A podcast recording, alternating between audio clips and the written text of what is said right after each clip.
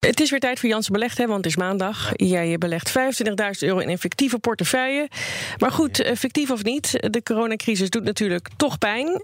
Ja. Oeh, stel je had een niet fictieve portefeuille, maar een werkelijke portefeuille. Ja, nou, Had je dan huilend achter je computer gezeten nu?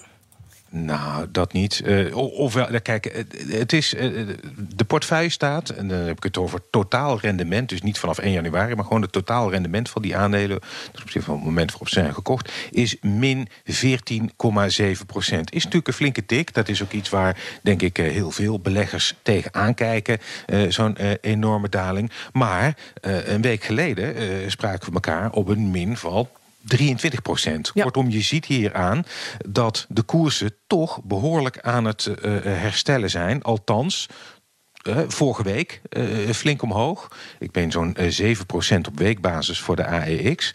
Um, en je ziet nu um, ja, toch vandaag de week ook behoorlijk goed starten. Hè, met een plus van 2,4% voor de AEX. Dus um, ja, een flinke min. Hè, dus je kijkt tegen een verlies aan. Maar ik zie tegelijkertijd dat het nu alweer aan het herstellen is. Natuurlijk okay. wel uh, slag om de arm van uh, hoe, hoe, lang gaat dit duren. En er zijn nog steeds, de meeste fondsen staan in het rood. Maar bijvoorbeeld Microsoft staat ten opzichte van de aanschaf 21,3% in de plus. Ook Galapagos 13,5%. Uh, ja, dan heb ik het ook wel zo'n beetje gehad. Maar dat is ook wel logisch, hè? want de ene is een farmaceut... en de ander maakt computerprogramma's ja. voor bijvoorbeeld thuiswerken... kan ik me zo voorstellen. Ja. Ja, precies. Dat is ook zo. Ja. Um, uh, dus uh, ja, uh, ik, hopelijk is de ergste pijn, hè, toen we het hadden over die min 23 procent. Mm -hmm. Ja, hoop ik dat we wat dat betreft de ergste pijn hebben gehad. Al weet je dat natuurlijk nooit. Nee, maar jij denkt dat je de bodem gezien hebt? Mm, ik begin voorzichtig te hopen. Er is, um, ik had het de afgelopen uh, vrijdag uh, in mijn programma Beurswatch ook over met mijn gasten. En um, ja, uh, Lucas Daalder bijvoorbeeld, die is voorzichtig. want die zegt, ja, terecht, althans begrijpelijk. Er, er, staat nog veel te gebeuren als het gaat om het virus. We weten niet wanneer het ergste voorbij is. Inmiddels is iedereen er wel van doordrongen dat de economische impact groot zal zijn. Mm -hmm. um, um, maar goed, uh, misschien is, zeg maar, zoals dat uh, verschrikkelijke term, het inprijzen, misschien is alle ellende, uh, is de omvang wel bekend bij beleggers.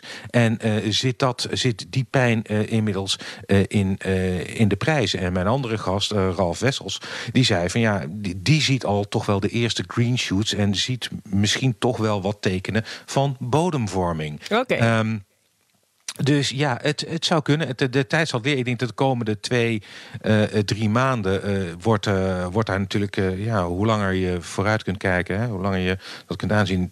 des te beter je dat kunt beoordelen. Ja. Maar goed, is dit nou een moment voor jou dan om toch maar in te stappen... als je denkt het wordt vanaf nu alleen maar beter?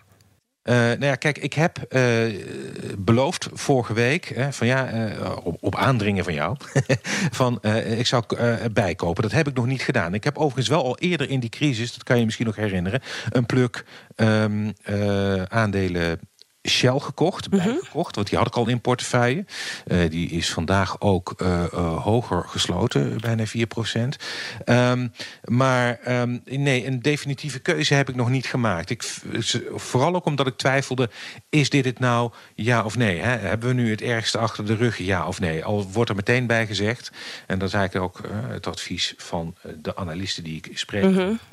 aan mij of maar ook aan beleggers, van ja, als je wil profiteren van de bodemvorming. Eigenlijk is er geen reden om nu te wachten. Nee, ik wilde net zeggen, want als je het niet zo goed kan voorspellen... Um, en het staat nu best laag, dan zeg je toch gewoon, nou, gewoon nu doen. Ja, ja ik bedoel... Precies. Ik denk inderdaad dat dat de, de, de, de overweging moet zijn, inderdaad. Um, he, er is ook gezegd van ja, als je nu koopt en je gaat uh, bijvoorbeeld de komende week uh, 10% naar beneden, wees niet bevreesd, want op de langere termijn, Precies. de komende twee, ja. drie jaar, uh, staat het geheid hoger dan de huidige koersen. Ook daar is overigens nooit en, en, en, zekerheid over te zeggen, maar dat, is wel, dat ligt wel in de lijn der verwachtingen. Ja. Ja, nee, sorry dat ik je even interrumpeerde. Ik, had, ja. ik vroeg me meteen wat af, namelijk... Ja? Heeft het dan zin om nu te kijken naar welke fondsen het heel goed deden voor de coronacrisis? In de hoop dat die dan na de crisis, als alles genormaliseerd is, weer gewoon oké okay is en dat je daar lekker winst op kan halen? Ja, dat zou kunnen, maar ik zat vandaag te denken, uh, ik zit ook een beetje te kijken.